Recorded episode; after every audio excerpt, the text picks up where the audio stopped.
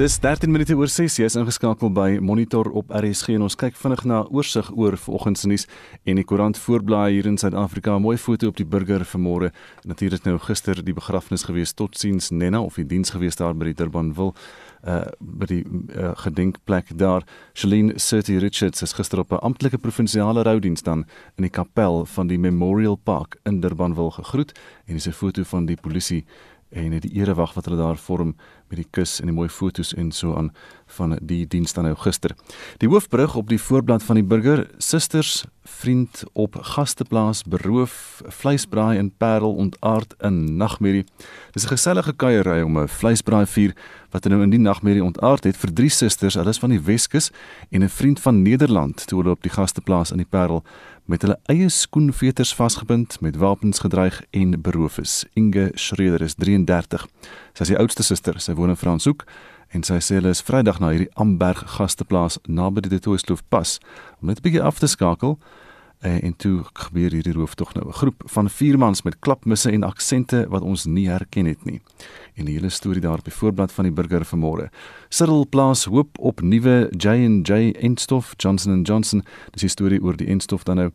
Hy sê hy hoop die COVID-19 inentingsprogram sal 'n groot opstoot kry wanneer die land nuwe enstof ook van Johnson & Johnson ontvang.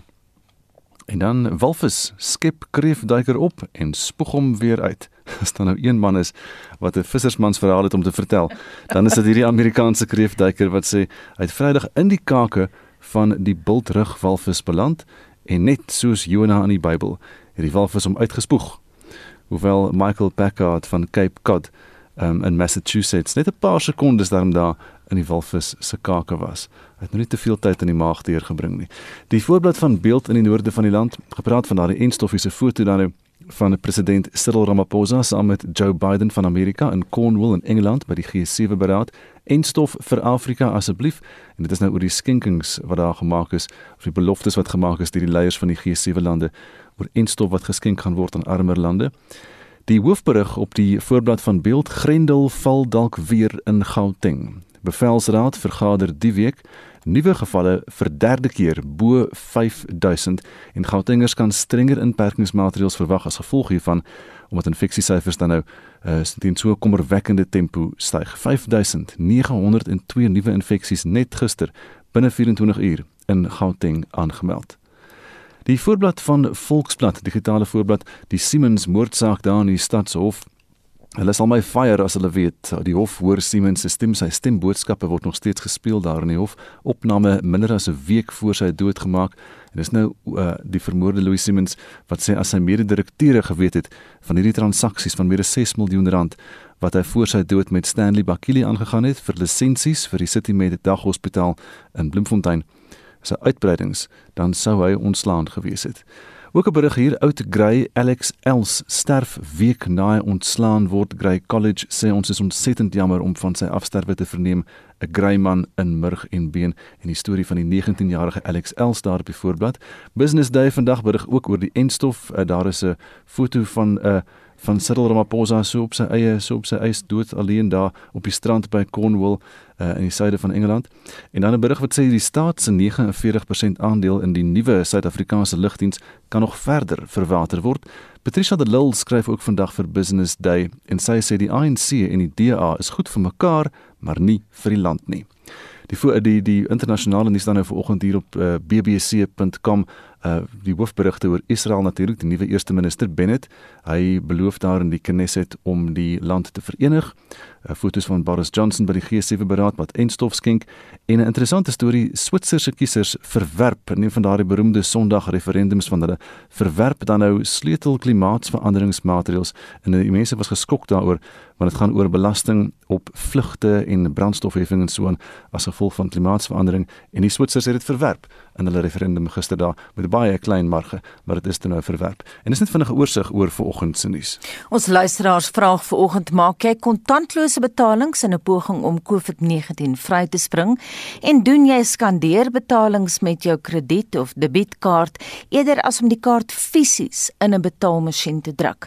Van watter nuwe betaaltegnologie maak jy gebruik? Laat ons weet.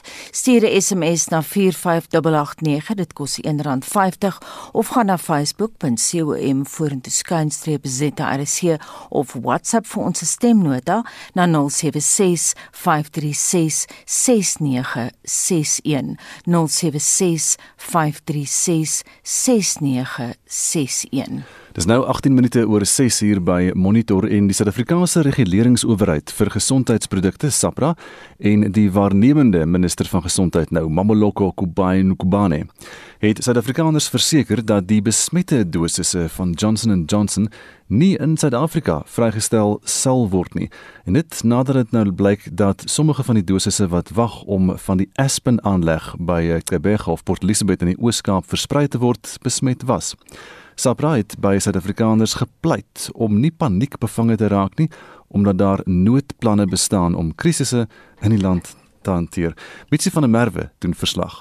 Sapra bevestig dat 300 000 dosisse wat deur die Amerikaanse kos en medisyne administrasie goedgekeur is, vrygestel is om na Suid-Afrika verskep te word. Maar die spesifieke tyd van verskeping is volgens die reguleerder onbekend. SAPRA is nie seker of Aspen betaal gaan word vir die miljoene wat spandeer is om die dosisse te vervaardig wat nie gebruik kan word nie. Die Johnson & Johnson enstof gaan nou geberg word vir 4 en 'n half maande in plaas van 3 maande teen 'n temperatuur van 2,8 grade Celsius.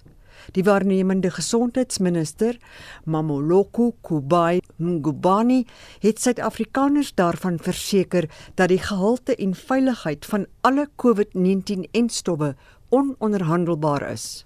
Based on what has been announced by the FDA, we are affected in terms of those batches at the Kabeja site. and what we have there on site is 2 million. I think some people were almost thinking that these are the batches or we would have vaccinated South African citizens with these batches that are contaminated. I need to reiterate that is not correct. These batches have not been used. So I think South African citizens should not panic and what we will receive and use would be approved. SAPRA CEO Dr. Boitumelo Samete says the batches in question will not be released. Die uitvoerende hoof van SAPRA, Dr. Boitumelo Semete, sê die besmette besending sal nie vrygestel word nie. So the batches that are at the Aspen site uh, that have been filled and finished, the ones that there were in question, those will not be released. So they cannot be made available to the public. However, there are doses from um, batches that have been cleared that will then be made available. So we will make sure that the country gets the correct batches of um, Dr. Smit het benadruk dat die besoedelde dosisse die regering se inentingsprogram gaan kortwet. It has impacted the vaccine rollout plans of the country because these were doses that were expected to be made available. But I think the public must have confidence in that as a regulator, we will ensure that um, any product that is not of the right quality is not made available in the country. So there is a level of confidence that I'd like for the public to have, but it does indeed affect our rollout strategy. Suid-Afrika het reeds meer as 8000 nuwe COVID-19 gevalle aangemeld met die getal sterftes wat tot meer as 57000 gestyg het. Kim Daniels het hierdie verslag saamgestel. Mitsi van der Merwe, SAK-nuus. Die VN gaan hom voortaan beywer om korrupsie te beveg. Daarom het die organisasie nou 'n wêreldwye netwerk op die been gebring wat lande op 'n tegniese wyse gaan bystaan daarmee. Anne-Marie Jansen van Vuren het die besonderhede. Volgens die sekretaris-generaal van die VN, Antonio Guterres, is korrupsie immoreel en ook 'n ernstige misdaad. It is often organized and crosses borders. Most importantly, it betrays people and democracies. It steals trillions of dollars from people all over the world, usually from those most in need, and it siphons off resources for sustainable development. When powerful people get away with corruption, people lose trust in their governing institutions. Democracies are weakened by cynicism and hopelessness. Hy sê voordat die COVID-19 pandemie uitgebreek het, is die wêreld gekenmerk deur verskeie anti-regeringsbetogings. Volgens hom het hierdie betogers meestal oor korrupsie gekla. We can be sure those protesters are watching closely now as trillions of dollars are invested in recovery. Turning the tide against corruption is essential if you are to achieve the sustainable development goals, promote peace and protect human rights. We must reinvigorate political commitment to fight this crime. We must also strengthen international cooperation to recover stolen assets, to prevent those responsible for corruption from finding safe havens for themselves and their funds.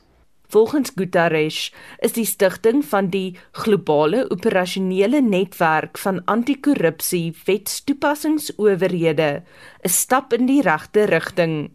Dit het saamgeval met die VN Algemene Vergadering se eerste sessie ooit wat spesifiek net op korrupsie gefokus het. The network will enable law enforcement authorities to navigate legal processes through informal cooperation across borders, helping to build trust and bring those guilty of corruption to justice. We expect the global network to empower all countries with practical solutions and tools to track, investigate, and prosecute corruption, complementing existing frameworks. Hy sê so sal die VN deurgaans daarbey betrokke wees om korrupsie te beveg. backed by the UN Common Position on Corruption, agreed in the run up to the special session, and based on the United Nations Convention Against Corruption. I thank the government of Saudi Arabia for funding and launching the Riyadh initiative to create the global network during their G20 presidency last year, and I call on all governments to make full use of the network and encourage further efforts to eradicate corruption. Ending impunity for corruption and returning stolen assets to their owners are important steps towards a new social contract based on trust, integrity, and justice. Dit was Antonio Guterres, die sekretaris-generaal van die VN, en ek is Anne Marie Jansen van Vuren vir SAK nuus. Dis nou 25 minute oor 6. Nou daar is emosioneel afskeid geneem van die afgestorwe aktrise Shelene Surti Richards by 'n gedenkdiens in die Durbanville Gedenkpark in Kaapstad gistermiddag. Vla in die Wes-Kaap het halfstok gewapper nadat president Cyril Ramaphosa 'n amptelike provinsiale begrafnis toegestaan het nadat die premier Ellen Windey dit versoek het. Nou die 66-jarige legende het 'n week gelede in haar slaap in 'n gastehuis in Kaapstad gesterf. 'n Laaste afskeid en groet van 'n legendariese aktrise wat diep spore getrap het van Appington in die Noord-Kaap tot in teaters en skerms reg oor die wêreld bekend vir haar hoofrol Phila in die epiese Phila se kind en haar karakter Nena in die langdurige sepie Igoli. Die Wes-Kaapse minister van kuns en kultuur, Anru Mere, het Shaline Surti Richards beskryf as 'n nasionale skat en 'n ikoon van die kuns- en vermaaklikheidsbedryf. Wat vir my uitgestaan het ook van haar, weet behalwe as ek nou gesê het sy's vir ons 'n Kaapse ma, 'n moeder vir almal gewees maar ook haar opregtheid. En net jy weet, sy het glad nie omgegee in alle opregtheid oor wat mense dink of wat mense sê nie. Soos sy was net haarself gewees. Sy was haar eie mens en daarvoor eer ons haar en ook vir haar uh, nalatenskap wat sy gaan laat vir ons, veral vir ons jonger akteurs wat so belangrik is veral vandag in die Suid-Afrika wat ons nou leef. Surty Richards het meer as 60 toekenninge gewen tydens 'n loopbaan wat oor sowat 4 dekades gestrek het. Kollegas in die vermaaklikheidsbedryf het haar beskryf as iemand wat regdeur die jare eerlikheid na haar rolle gebring en 'n veilige hawe gebied het. 'n Privaat verrassingsseremonie vind vandag plaas by die Maitland begrafplaas.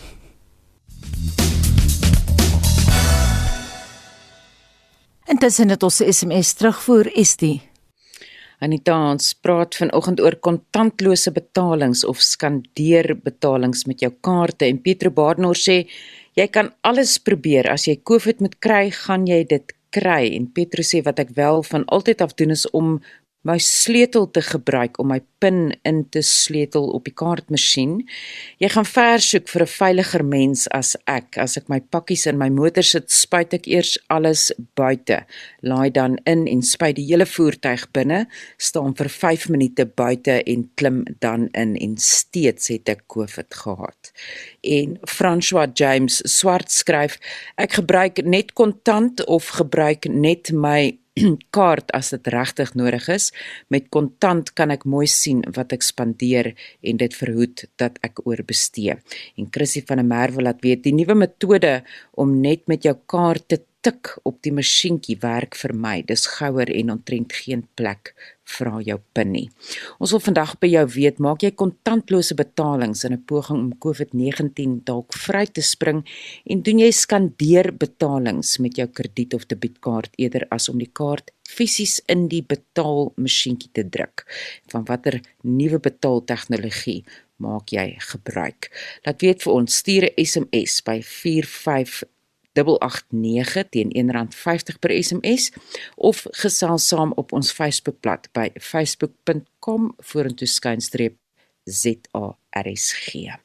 Dis 25 minute voor 7 hier is Shaun Jooste nou met vandag se sportnuus. Met nog 'n naweek propvol sport agter die rug, kyk ons na van die uitslae.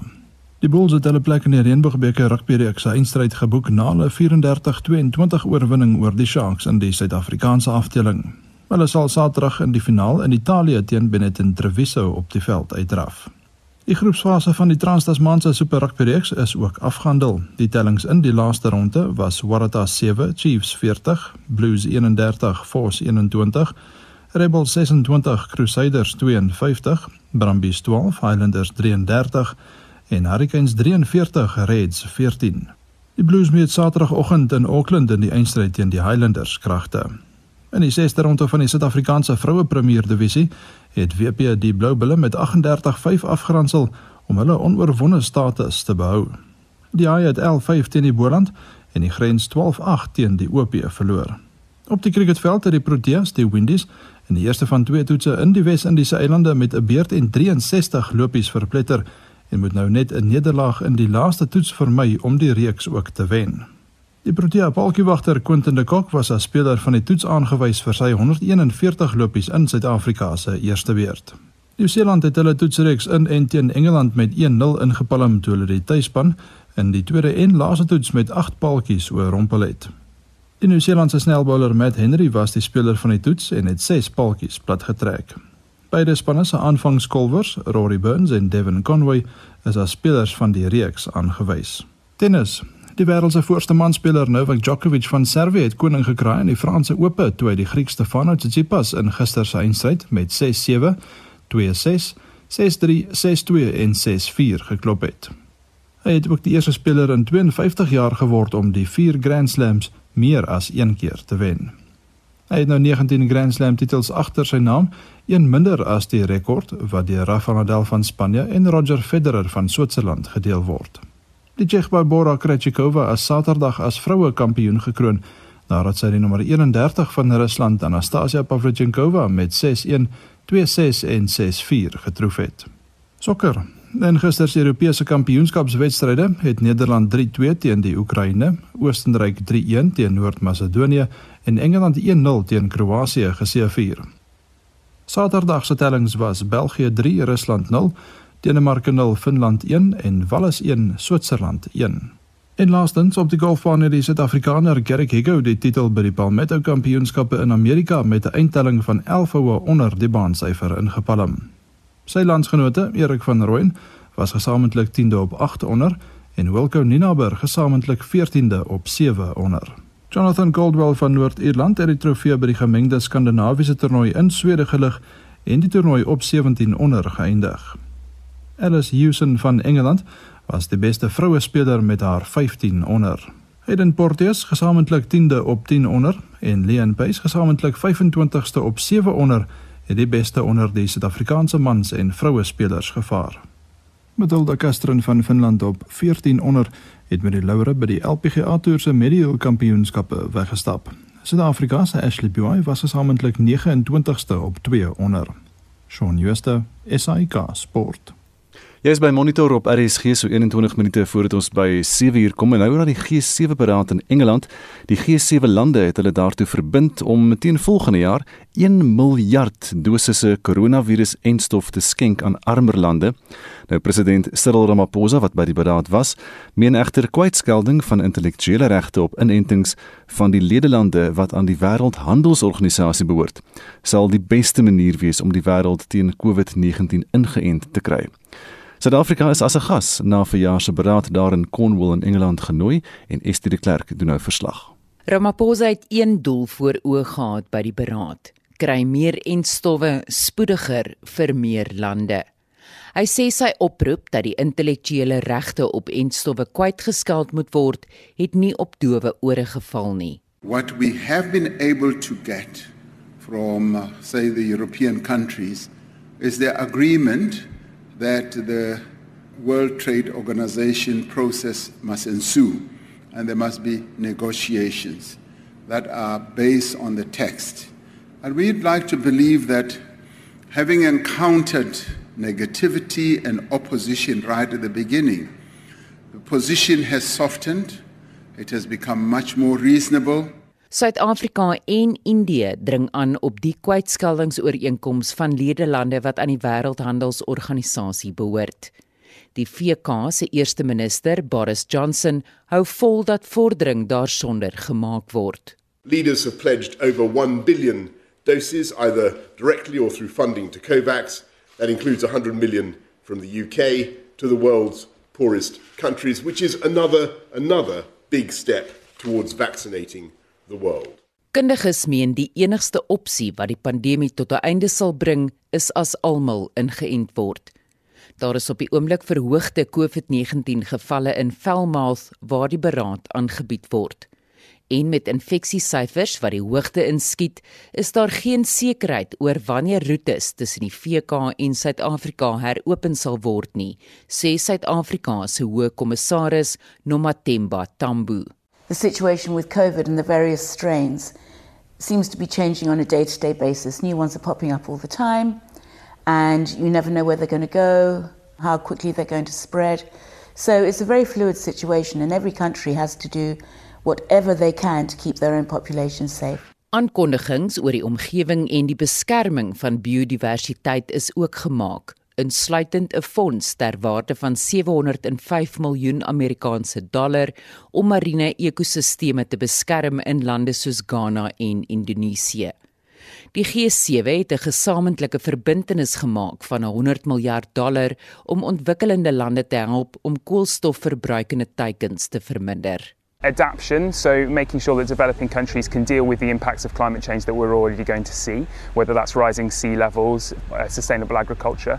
But then it's also mitigation measures to make sure that they are preparing for a world that is zero carbon. So, is their industry decarbonising? Are they using their land use appropriately? It's actions across the slate to make sure that they're ready for 2050 and net zero. Dit was Sam Elvis van Green Alliance. Die verslag is saamgestel deur Laura Macon Ursherwood in Cornwall en ek is Estie de Klerk vir SAK nuus. Steeds by die afgelope G7 beraad in Cornwall en vir sy ontleding daarvan praat ons nou met Roland Henwood van die Universiteit van Pretoria. Goeiemôre Roland. Goeiemôre Anita. Dit was duidelik dat die Europeërs nie gelukkig is oor die Britte se eensaidige optrede rakend Ierland en die Noord-Ierse grens nie. Ja, ehm um, een van die aspekte wat miskien nie so baie aandag hier by ons kry nie is dat die spanning tussen Europa en Brittanje oor Brexit is nog nie besleg nie en dit was een van die subtemas wat deurlopend by die G7 beraad baie duidelik was en waarskynlik iets wat 'n uh, bietjie van 'n demper geplaas het op wat dalk 'n baie goeie beraad kon gewees het. Ehm um, dit het selfs na die beraad nog gelei tot 'n ehm um, woordewisseling tussen Frankryk en Brittanje um, en of president Macron en die Britte en ook tussen die Europese Unie en die Britte. So dit's so 'n baie belangrike aspek wat nog steeds nie besleg is nie. En die punt is nou die grens tussen effektief die grens tussen Brittanje en Noord-Ierland. Ehm um, en en die Britte is ongelukkig oor druk wat op hulle geplaas word want hulle het eensaidig die ooreenkoms wat hulle met die Europese Unie gesluit het, dood eenvoudig die oorgangsmaatreëls verleng om nie grensbeheer toe te pas nie. Ehm um, die vrees natuurlik is dat Noord-Ierland is baie ontevrede. Hulle voel daar word nou fisiese grens geplaas tussen hulle en Brittanje wat beteken hulle word gedwing om deel te word effektief van Ierland en natuurlik Ierland wat kwaad is wat sê maar ons is onder die Europese Unie reëls en julle is besig om dit te oortree en dit gaan ons natuurlik in 'n baie slegte posisie plaas. So die die die konflik daaroor en die spanning daaroor definitief nog lank nie verby nie. Nou Roland gegee die spanning tussen Brussel en Londen, jy het nog sê Parys ook. Dink jy Boris Johnson het Brittanje se posisie enigstens verstewig in 'n post-Brexit wêreld? Is moeilik om te gaan bepaal of hy Brittanje se posisie verstewig het. Ek dink die aanvanklike uitdagings en dit is Brittanje se rol in verhouding met Europa en ook Brittanje se rol in die wêreld buite die Europese Unie is waarskynlik nog net so 'n groot probleem of net so groot uitdaging as wat dit was. Wat hy wel reg gekry het is om aandag te vestig op 'n klomp sake om homself as een van die groep van sewe ryk ekonomieë ons omtrent 40% van die wêreldekonomie wat daar by mekaar was om homself tog te vestig as een van die groep en tot 'n groot mate kon hy regkry om alles wat hy voor die tyd gesê het aan te dui as dit is die sake waar hulle saamstem en die sake waar hulle gesamentlik gaan optree in die toekoms. Uh. Wat natuurlik in 'n sin amper die maklike deel is want meeste van hierdie onderhandelinge het reeds voor die tyd plaasgevind. Maar die uitdagings wat hy het die die kwessie van is hy 'n betroubare bondgenoot is byvoorbeeld nie beantwoord nie en dit gaan beantwoord word deur sy reaksie op die Europese Unie rondom Noord-Ierland. Hmm. Ehm um, as jy net willens en wetens ooreenkomste eensydig oortree of verander, dan is jy nie 'n betroubare bondgenoot nie. Ek dink een van die ander aspekte wat baie duidelik was is hoe gemaklik hy homself verander het van 'n aanhanger of 'n goeie bondgenoot van president Trump na skielik 'n baie goeie bondgenoot, amper 'n meeloper van president Biden want mm. op 'n sekere sin is dit hoe hy homself aangebied het. Watter rol is daar vir die VK buite die EU? Dit gaan afhang van hoe hulle hulle self posisioneer. Dit kan 'n belangrike rol wees. Dit is een van die groot ekonomieë in die wêreld. Daar kan baie geleenthede wees veral rondom die die bereidwilligheid wat die Britte oënskynlik het om 'n ander rol te begin speel ehm um, baie meer betrekkinge te bou, bilaterale betrekkinge te bou. Ehm um, en maar mense sal moet sien hoe dit gaan gebeur. Ek dink nie dit gaan maklik wees nie. Die omstandighede in die wêreld is baie moeilik. Die omstandighede in Brittanje is waarskynlik nie maklik op die stadium gegee wat gebeur met die hele ehm um, COVID pandemie nie. So dit gaan moeilik wees, maar dis nie onmoontlik nie. Die groot vraag weer eens is hoe die leierskap dit gaan aanbied en tot watter mate gaan hulle met kreatiewe ehm um, politiek beleids ehm um, voorstelle kom wat wat ander soortige politieke bande tot gevolg kan hê as wat in die verlede bestaan het.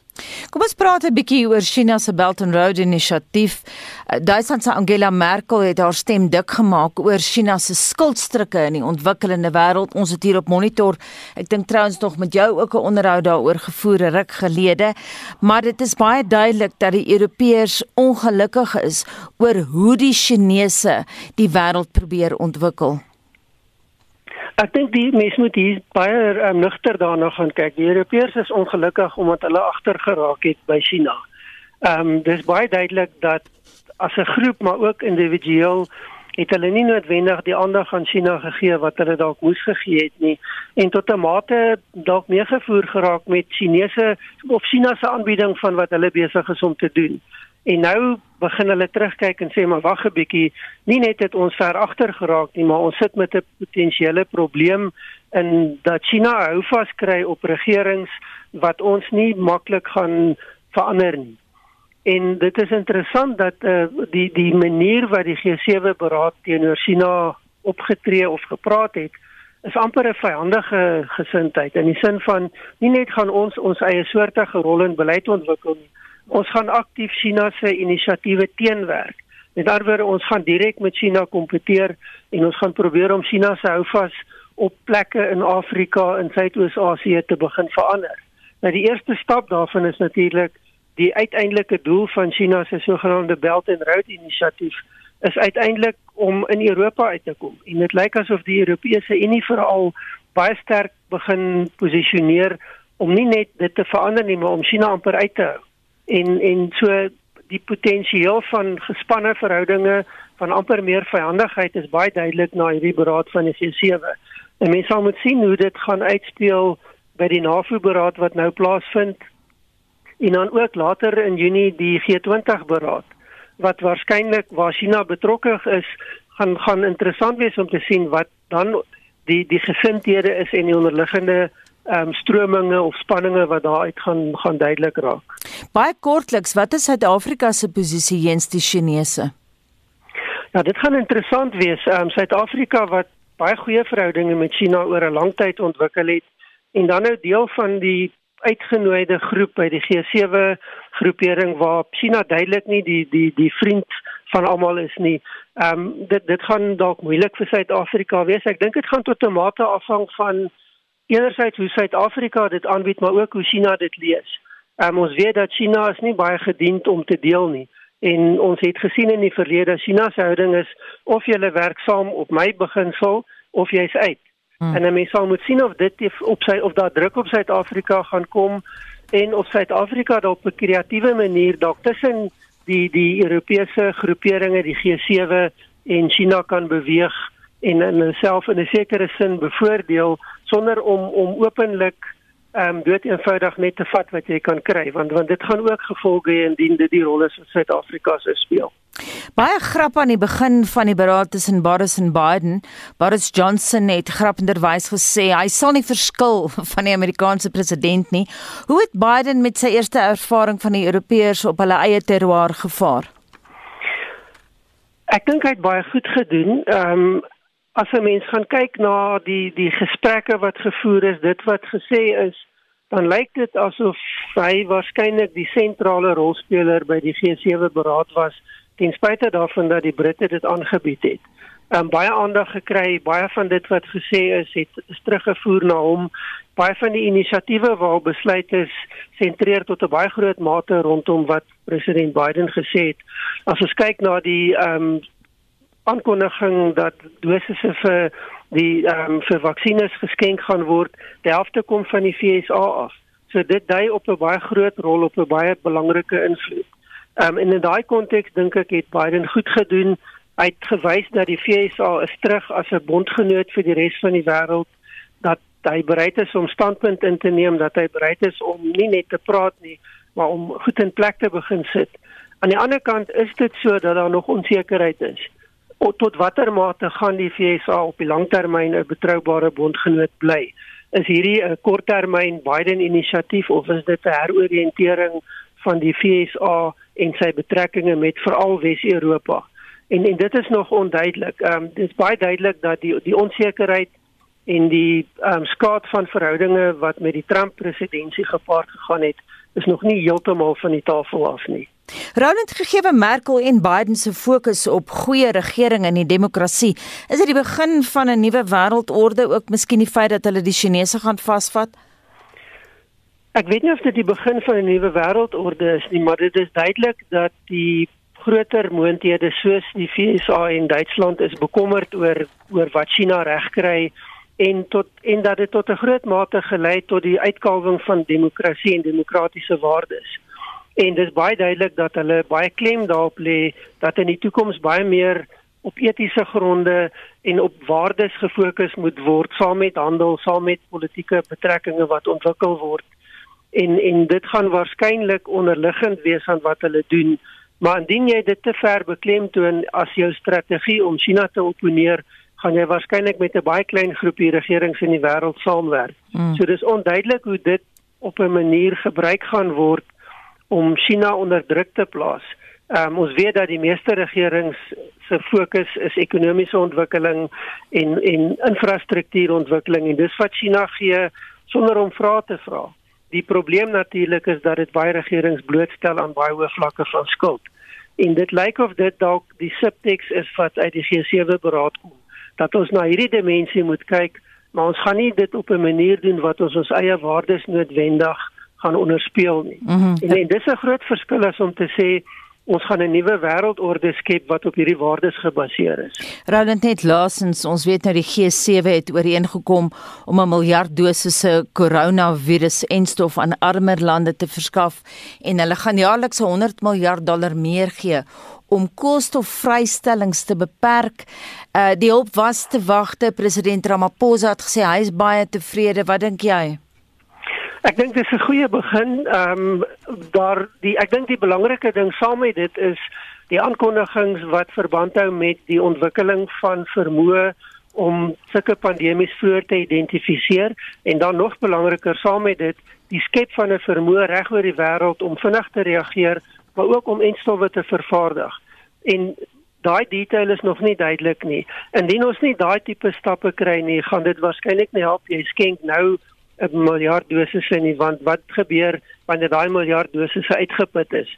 Daar's baie meer as dit nodig en die langtermynoplossing is waarskynlik 'n vervaardigingsvermoë wat baie wyer gevestig moet word as wat nou die geval is. Baie dankie dit aan die mening van Roland Henwood van die Universiteit van Pretoria se departement politieke wetenskap. 6 minute voor 7 by Monitor nou die regering in die stelbedryf het 'n stel metaal meesterplan onderteken om die bedryf 'n hupstoot te gee.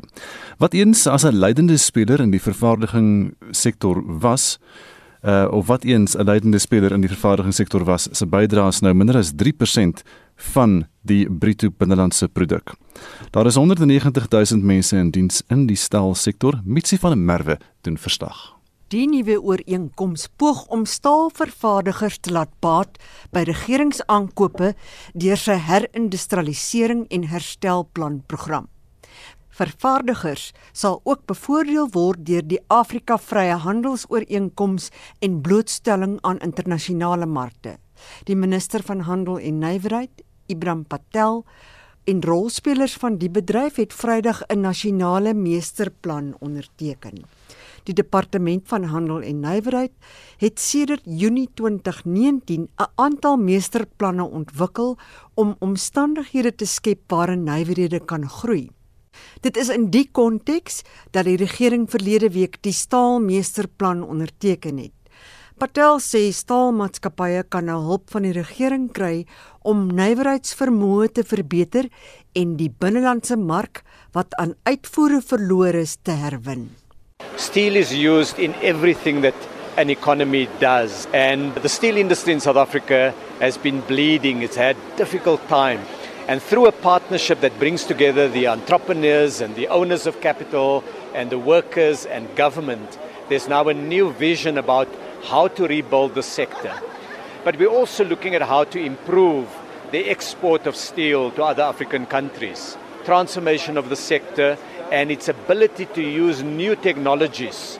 And this is part of uh, energizing the economy. Staal en metaalvervaardiging is een van die bedrywe wat in die regering se ekonomiese herstelplan geïdentifiseer is. Die sekretaris-generaal van NUMSA, Irvin Jim het die nuut ondertekende staalmeestersplan verwelkom.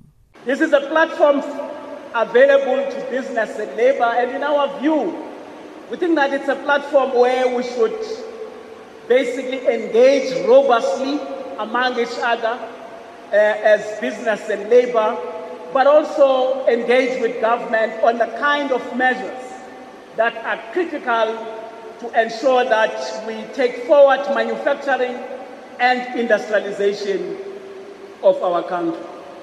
It is a platform, in our view, to play a very strategic role to reverse serious levels of deindustrialization that have taken place in the country, to stop the current job loss bloodbath, but at the same time to create the most disparately needed jobs by our people in our country today.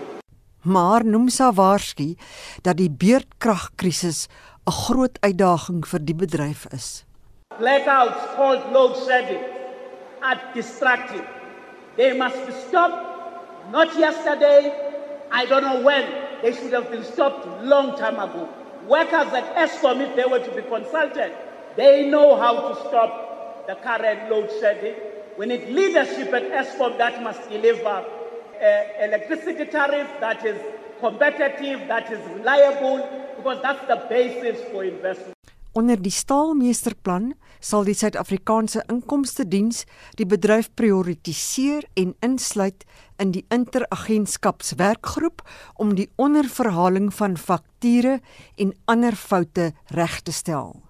Staalvervaardigers sal ook nou met ander staatsbeheerde entiteite soos Eskom en Transnet saamwerk om plaaslike verskaffingsketTINGS vir groot projekte te bou. Amina Akram het hierdie verslag saamgestel. Mitsi van der Merwe, SAK nuus.